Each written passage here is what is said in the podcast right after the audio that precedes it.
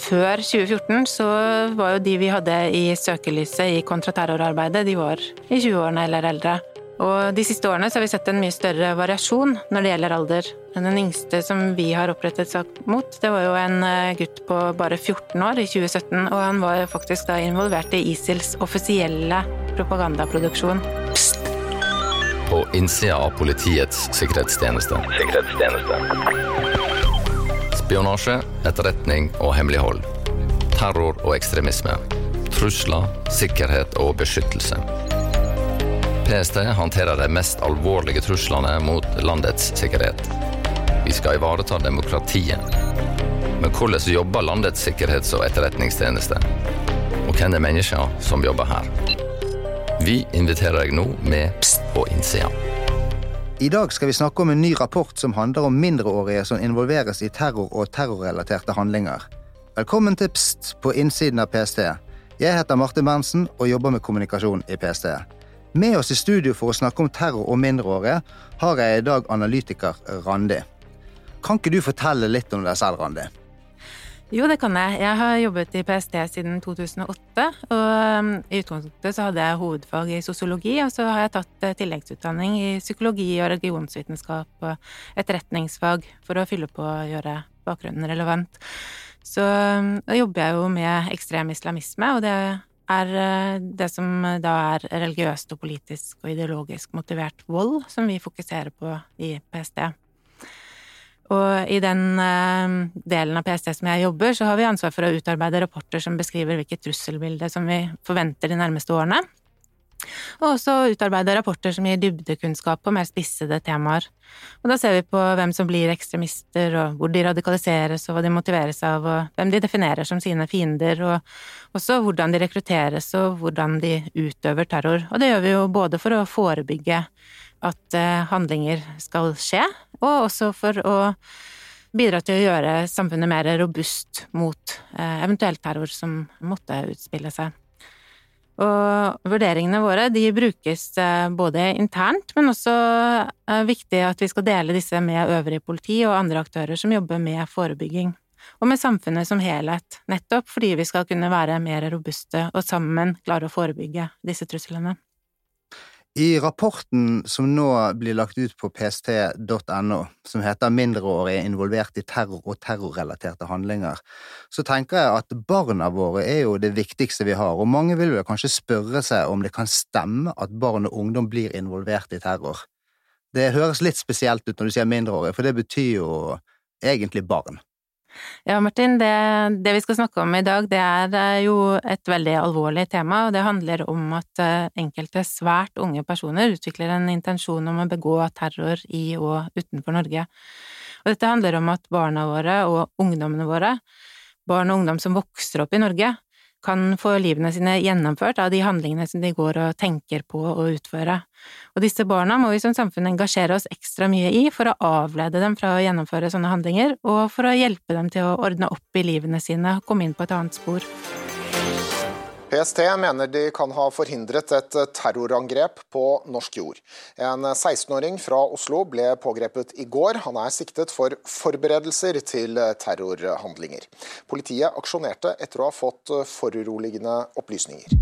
Og det at PST i februar pågrep en 16-åring for å planlegge giftangrep i Norge, det er jo et eksempel på denne problematikken. Ja, det er jo en sak som har gått i retten nå eh, før sommeren, og den er jo ikke, den er jo ikke rettskraftig ennå, så den, den, pågår jo når vi sitter her. Ja, ikke sant. Og eh, over tid så har jo vi observert eh, denne utviklingen, og det er jo utviklingen med at vi ser stadig flere mindreårige i vårt arbeid som gjør at vi nå eh, har sett behovet for å beskrive det i en rapport og utarbeide denne podkasten, sånn at vi kan formidle denne innsikten om at barn og unge faktisk involverer seg i så alvorlige handlinger Eh, og det gjør vi for at alle som er i kontakt med barn og unge som radikaliseres, skal melde inn sine bekymringer til oss så tidlig som mulig.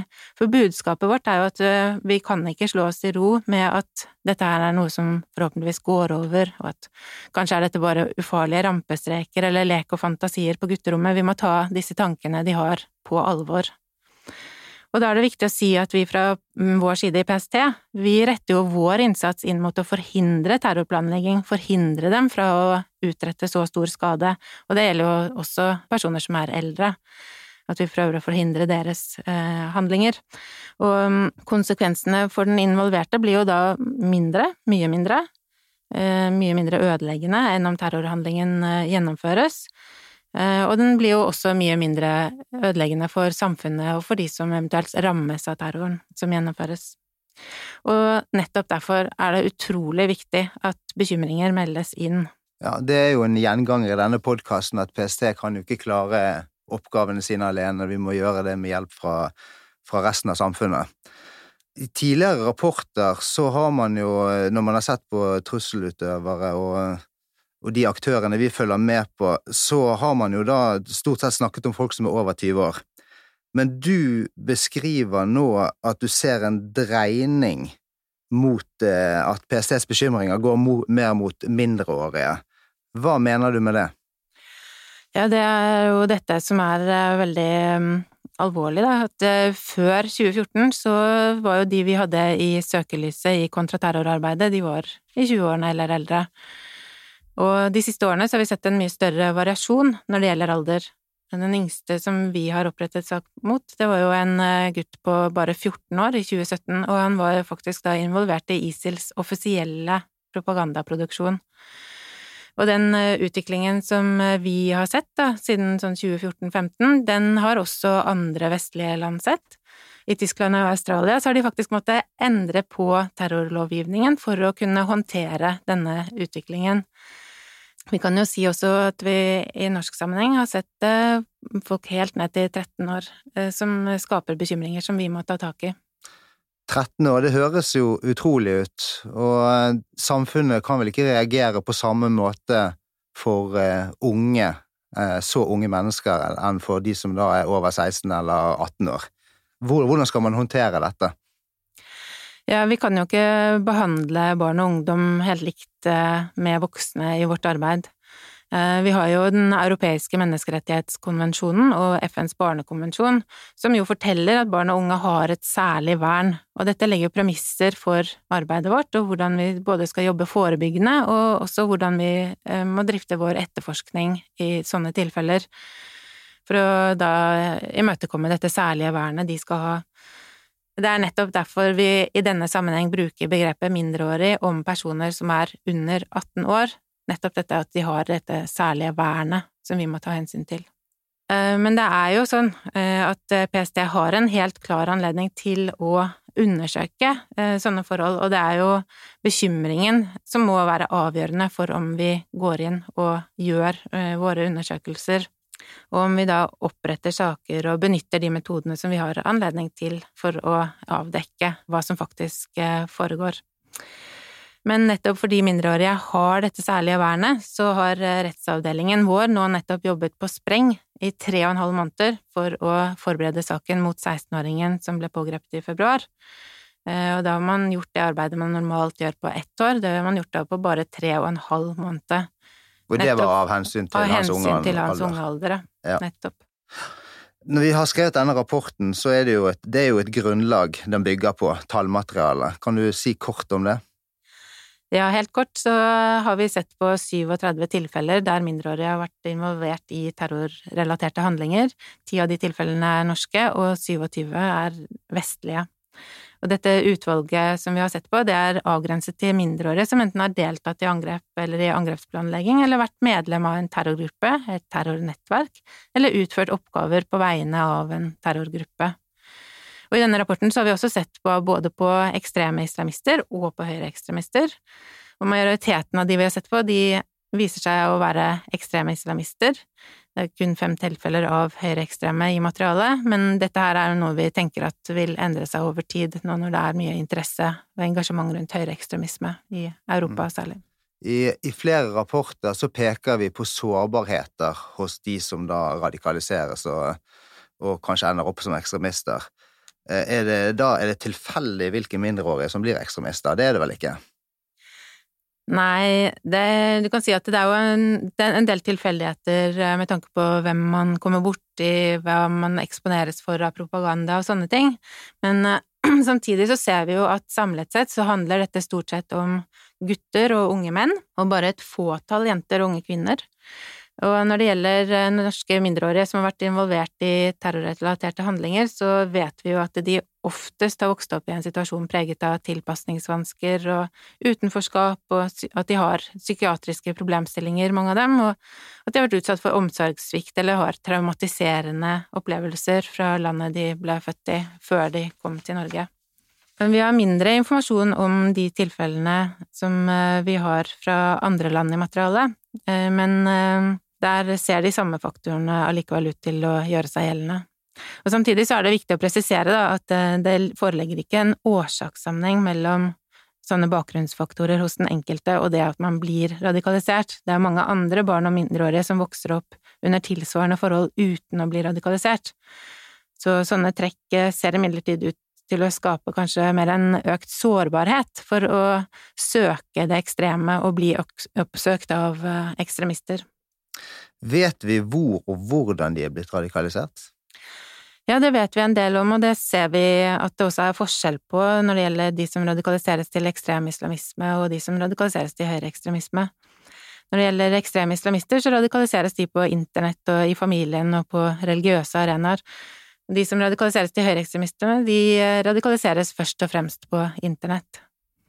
Når det gjelder de ekstreme islamistene, for å ta dem først, så sa jeg jo at eh, internett er en viktig arena, og der eh, ser vi jo nettopp et skifte i hvordan den propagandaen som legges frem på internett, hvordan det kommer sånn rundt 2014. Eh, det kommer samtidig med at ISIL blir etablert og skaper enorm entusiasme blant en del ekstremister i den vestlige verden. Og den propagandaen som ISIL begynner å produsere, er jo da en ny form for propaganda. Den eh, har en eh, veldig høy kvalitet, den har eh, mye voldsgrafikk, den er veldig engasjerende, og den har mye sånn spill- og filmreferanser, og har særlig stor appell overfor unge menn.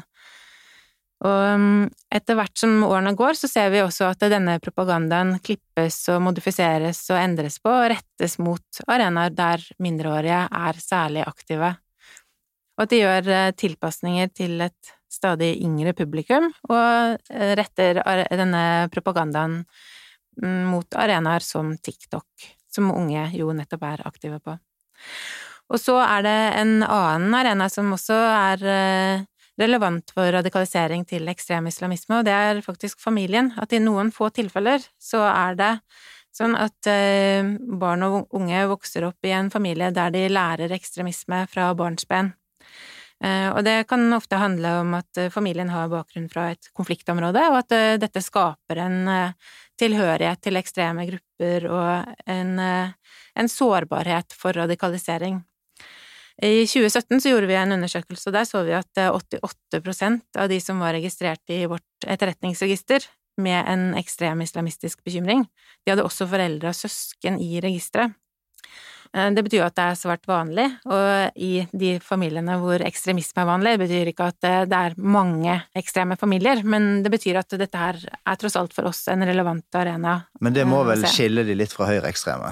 Det skiller dem fra høyreekstreme. Der ser vi ikke dette eh, så veldig ofte. Og um, noen ganger så ser vi at foreldrene rett og slett har en målsetting om å radikalisere barna. Andre ganger så ser vi at eh, radikaliseringen blant barn og unge i den familien er mer en konsekvens av at ekstreme tanker alminneliggjøres i familiens eh, sfære. Og um, noen ganger så kan også den eh, radikaliseringen til ekstremisme i familien. Den kan skje ved at eh, foreldrene ikke er ekstreme, men at eh, barna syns at eh, foreldrene har et for lite politisk engasjement i konflikter med et religiøst tilsnitt. Men det er viktig for oss å si da, at ikke alle blir radikalisert heller i en familie der man har ekstremister. Vi ser jo også at uh, noen barn i, de, altså i en og samme familie blir uh, helt vanlige samfunnsborgere med gode jobber og et stort engasjement for mer konstruktive temaer. Men så ser vi også fra tid til annen at eh, de ekstremistene vi har fulgt med på, at de får barn, og at de ønsker å oppdra sine barn til ekstreme tanker. Og da får vi også inn av og til meldinger fra skole og barnehage, eh, som, eh, altså i form av bekymringsmeldinger da, om at barna har et litt avvikende tankesett. Og det er viktig for oss for å kunne ta videre tak i det. Vi har en tredje arena som er relevant når det gjelder radikalisering til ekstrem islamisme, og det er de religiøse arenaene. Eh, de er jo åpne for alle, og det er jo arenaer der ekstremister kan komme i kontakt med moderate. Eh, og det er jo arenaer som da tidvis utnyttes av ekstremister for å nå unge og mindreårige. Og noen ganger så er det også sånn at eh, arenaene er rettet, rett og slett utformet for mindreårige. Det kan handle om koranskoler eller tiltak som er mer rettet mot ungdommer. Og da fungerer jo dette som en sånn fiskedam da, for ekstremister i noen tilfeller. Hvis vi ser på de høyreekstreme, hva er det som skiller de fra ekstreme islamister? Jo, der eh, også så vi en endring rundt 2015 eh, i dette tilfellet, da hvor eh, propagandaen endret seg, og særlig den propagandaen som vi da har sett på nett, og at denne propagandaen fikk en form som appellerte veldig til mindreårige.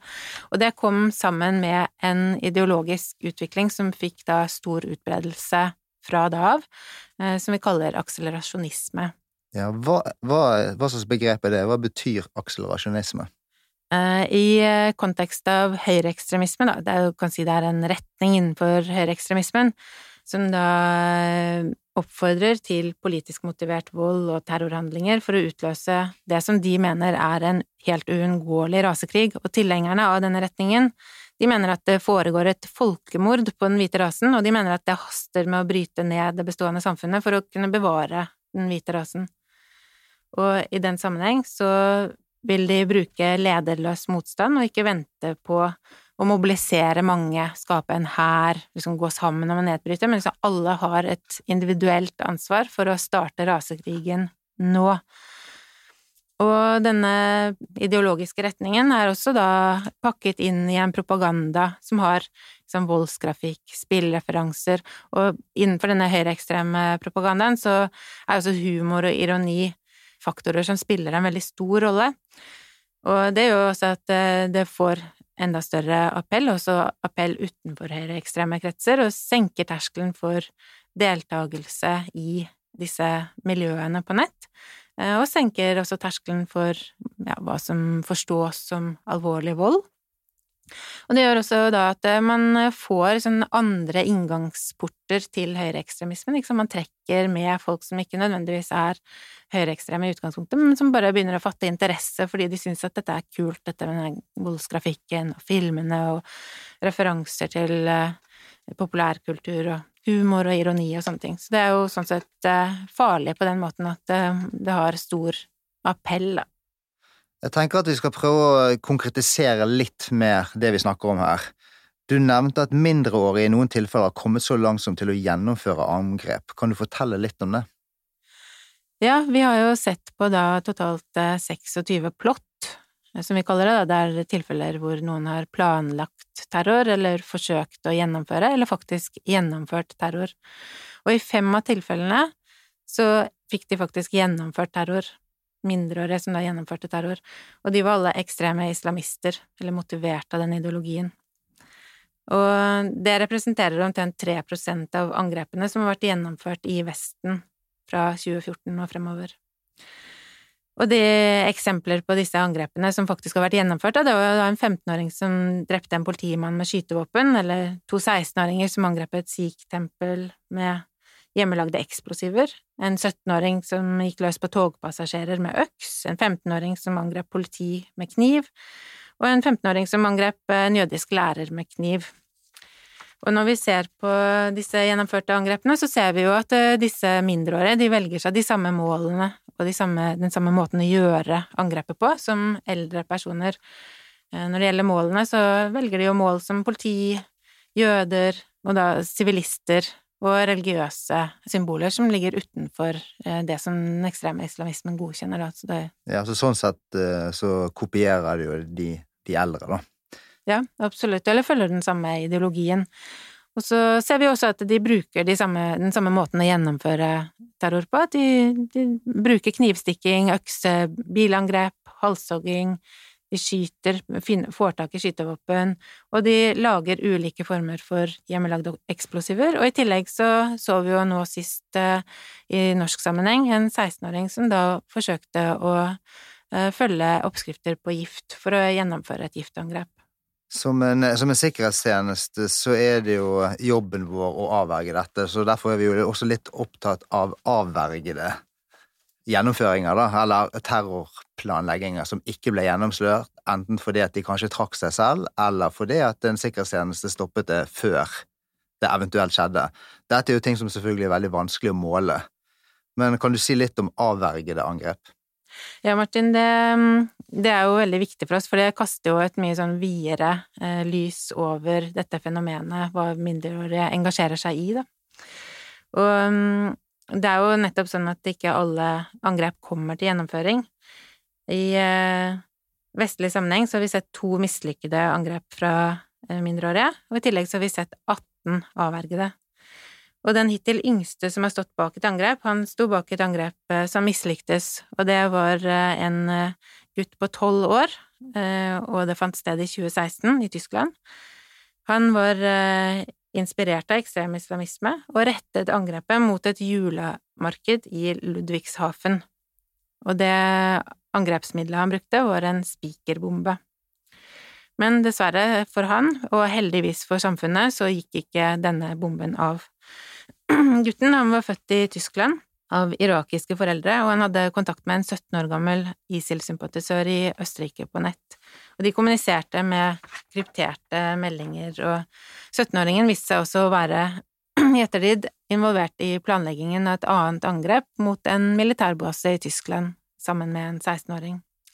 Kan jeg nevne et eh, høyreekstremt angrep som ble avverget, som involverte en 17-åring som planla å starte rasekrig, slik man da blir oppfordret eh, til innenfor denne akselerasjonismen, da. Skulle starte rasekrig ved massedrap i 2019. I norsk sammenheng så har vi hittil sett tre avvergede angrep. Vi så ett i 2017, ett i 2018 og ett i 2021, og alderen på de involverte var jo da 17 og to 16-åringer. Og 16-åringen som ble pågrepet nå i februar, han er jo da det ferskeste tilfellet av disse. Du har fortalt at mindreårige også har hatt andre roller enn det å være terrorist eller forsøke å bli det. Hvilke roller tenker du på da? PST har jo ansvar for eh, mer enn det å forhindre radikalisering til terrorplanlegging. Vi skal også forebygge radikalisering som medfører da ideologisk eller religiøst eller politisk motiverte handlinger som støtter opp om terror. Og dette omfatter at man også da forsøker å radikalisere andre, at man forsøker å oppfordre til terror, eh, at man eh, legger materielt og på andre måter til rette for at terror skal skje, og at man eh, hjelper noen å delta i en terrororganisasjon, eller at man selv faktisk deltar. Ja, med utgangspunkt i det, eh, så ser vi da at eh, mindreårige involverer seg i en hel rekke andre roller enn bare terror, planlegging og gjennomføring.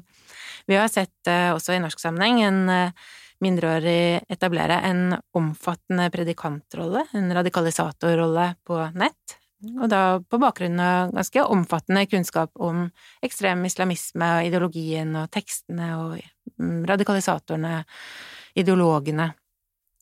Så vi har også sett eh, mindreårige delta i terrororganisasjoners propagandaproduksjon, som jeg nevnte eh, innledningsvis, at vi hadde en 14-åring i ISILs propagandaproduksjon. Så vi har sett eh, mindreårige være medlemmer i digitale terrornettverk som har vært involvert i terrorrelaterte handlinger.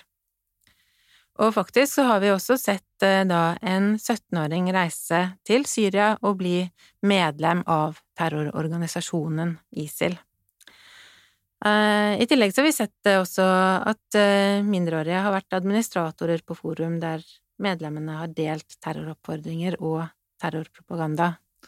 Ja, nei, det, det, er jo litt utrolig å tenke på at det er så unge mennesker som kan lede og radikalisere, for det kan jo være en relativt avansert øvelse. Og du har også snakket om en som var så ung som 13 år som etablerte en terrorgruppe på nett. Det høres helt utrolig ut. Hva var det som skjedde? Ja, det var i eh, Estland. Ehm, der var det en 13-åring som eh, etablerte og ledet en transnasjonal eh, høyreekstrem terrorgruppe som han kalte Forkrig Division. Dette er jo en historie som egentlig har fått veldig lite oppmerksomhet sammenlignet med hvor mye denne 13-åringen faktisk klarte å legge til rette for av terrorplanlegging. Han opererte online under tittelen Kommandør, og han eh, skal ha hatt medlemmer i en rekke land, og så rekrutterte han eh, nye medlemmer til gruppen eh, kontinuerlig og delte bombeoppskrifter med de involverte. Og Foykrig Division oppfordret til rasekrig og å ødelegge samfunnet, som de jo mente at jødene kontrollerer. Og flere i det nettverket er blitt etterforsket for terrorrelaterte handlinger, og en av de var en 21-åring som forsøkte å sprenge en hjemmelaget bombe utenfor Western Union sine lokaler i Vilnius i Litauen i 2020. Heldigvis så gikk ikke de to og en halv kiloene med eksplosiver av. Eh, han hadde funnet oppskriften på nett, men lyktes ikke å få den til å sprenge. Men eh, politiet mente at den ville ha forårsaket stor skade blitt til en veldig stor eksplosjon. Altså I tillegg da, så har jo dette Foierkrig Division, som da ble etablert av en 13-åring, det har forårsaket også plott i Storbritannia og i USA. I andre tilfeller har vi jo sett svært unge mennesker som har gitt detaljert veiledning til andre om hvem de skal angripe og hvilke midler de skal bruke. Kan du si litt om det? Ja, vi så jo blant annet da en britisk 14-åring veilede en eh, australsk 18-åring i Australia over nett, og denne veiledningen den involverte angrepsplanlegging i form av halshugging av politi på Anzac Day. Det vil si at eh, den mindreårige, han eh, anbefalte at eh, politiet skulle rammes, og at det skulle skje på denne Anzac Day, som er en minnemarkering over første verdenskrig som de har i Australia hvert år. Heldigvis så ble også det angrepet avverget. Men så har vi også en eh, siste rolle, som vi kan illustrere med en 17-åring som ble sendt til Europa eh, som del av et angrepslag fra ISIL. Eh, de ble sendt til Tyskland i 2015, og det ble avdekket at de hadde jo trent nede hos ISIL for å da angripe mål i Tyskland. I denne rapporten vi snakker om i dag, så konkluderer vi at vi forventer å se flere mindreårige i vårt arbeid i årene fremover. Hvorfor lander vi på, på den spådommen? Jo, det er jo fordi vi ser, som jeg har vært innom, da dette med at propagandaen har endret form og fått en veldig appell, og særlig blant unge menn. Eh, og at denne propagandaen den alminneliggjør, ufarliggjør, senker voldsterskelen, trekker mange inn, trekker mange til seg. Og at vi etter hvert også ser at denne propagandaen rettes mot sosiale medier der mindreårige er særlig aktive, som TikTok. Eh, og dette treffer jo eh, barn og unge på et tidspunkt i livet der de er under utvikling, og der de er sårbare for påvirkning og leter etter identitet. Og nettet muliggjør jo nettopp også manipulasjon av alder og roller. På nettet så har vi jo nå altså vært igjennom beskrevet hvordan det, en 13-åring da kan teste ut det å være en kommandør, så man kan ta på seg andre roller enn man ellers ville fått. Man kan lede terroravdelinger, man kan veilede andre i hvordan de skal gjøre terror, eh, og det er jo oppgaver som de ikke ville fått på veldig mange år dersom de ville vært i en fysisk terrororganisasjon. Og det er også sånn at nettet gir utløp for spenningssøken, og det er jo eh, da noe som eh, er veldig appellerende i en periode der mindreårige er, er mer risikovillige enn senere i livet. Og så vet vi jo også at eh, vi fortsatt vil få til Norge mindreårige som kommer fra krigsområder, som har med seg traumatiserende opplevelser, som har med seg kanskje også tilhørighet, sympati for ekstreme grupperinger, eller som utvikler sympati for de grupperingene når de kommer til Norge. Og vi vil jo også fortsette å ha noen familier som, eh, som eh, alminneliggjør ekstreme holdninger over kjøkkenbordet.